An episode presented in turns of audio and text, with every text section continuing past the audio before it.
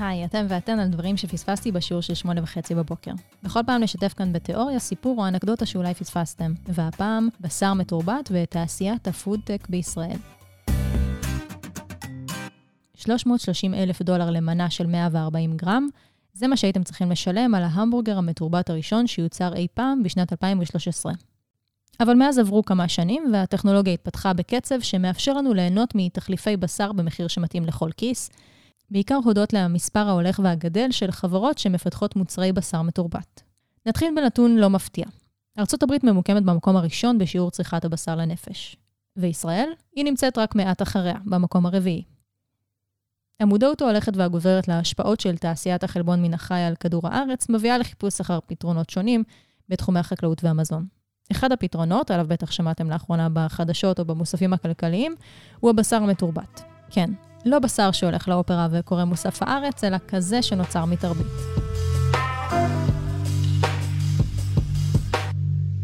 בשר מתורבת נוצר במטרה לספק תחליף איכותי לבשר מן החי, תוך שאיפה שיהיה דומה ככל הניתן לדבר האמיתי, מבחינת ערכים תזונתיים, טעם, מראה ומרקם. משימה לא קלה בכלל. במסגרת התהליך נלקחים תאים מן החי ומועברים לגידול במעבדה. התאים עוברים תהליכי חלוקה, מאפשרים להם ליצור מבנה שיוביל בסופו של דבר להפקת חומר הדומה לבשר טחון או קציצה.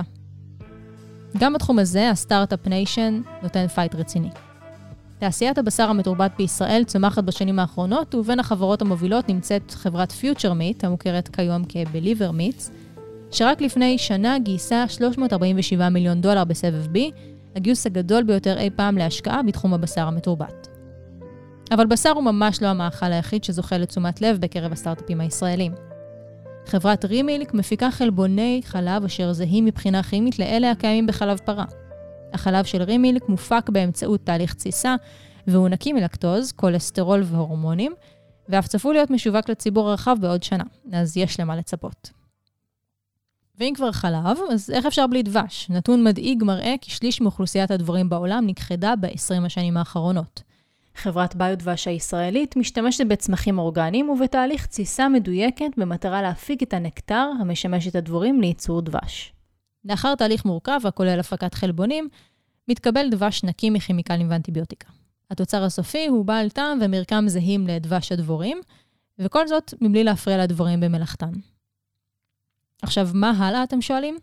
ישראל נמצאת כיום במקום החמישי בעולם בתחום הפודטק, ובמקום השלישי בעולם בתחום הבשר המתורבת. כ-400 חברות בישראל מפתחות כיום מוצרי מזון חדשניים, אשר עתידים לשנות את הדרך שבה צורכים מזון. ב-2017, אולי אתם זוכרים, פורסם שהעולם צפוי לסבול ממחסור עולמי בווניל, בשל סופת האיפון שתקפה את מדגסקר, יצואנית הווניל המובילה בעולם. הערכות עמדו אז על 7 שנים לשיקום הייצוא. אבל אל דאגה, הטכנולוגיה מציעה פתרון גם לצרה הזו. חברת ונילה וידה, למשל, עובדת על פתרון למחסור הקיים בווניל. איכות הווניל וזמינותו משתנים לעיתים תכופות בעקבות שינויי האקלים, ובזכות פיתוחי החברה, הווניל גדל בחממות כאן בארץ, הרחק מארצות המוצא שלו. ומהיבשה אל הים. בניסיון להילחם בנזקים הנגרמים על ידי תעשיית הדייג, חברת פלנטיש מייצרת נתחי סלמון שלמים, המבוססים על הצומח בלבד, ובעלי ערכים תזונתיים זהים לנתח סלמון רגיל. כן, כן, אפילו אומגה 3.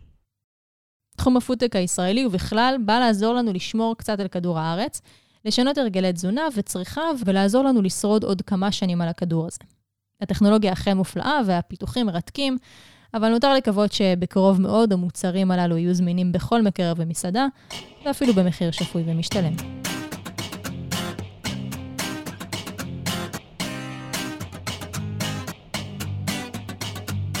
זה היה עוד פרק של דברים שפספסתי בשיעור של שמונה וחצי בבוקר, שכתבה תמר פורת. תודה רבה תמר, ותודה לכם שהאזנתם, מקווה שלמדתם משהו חדש.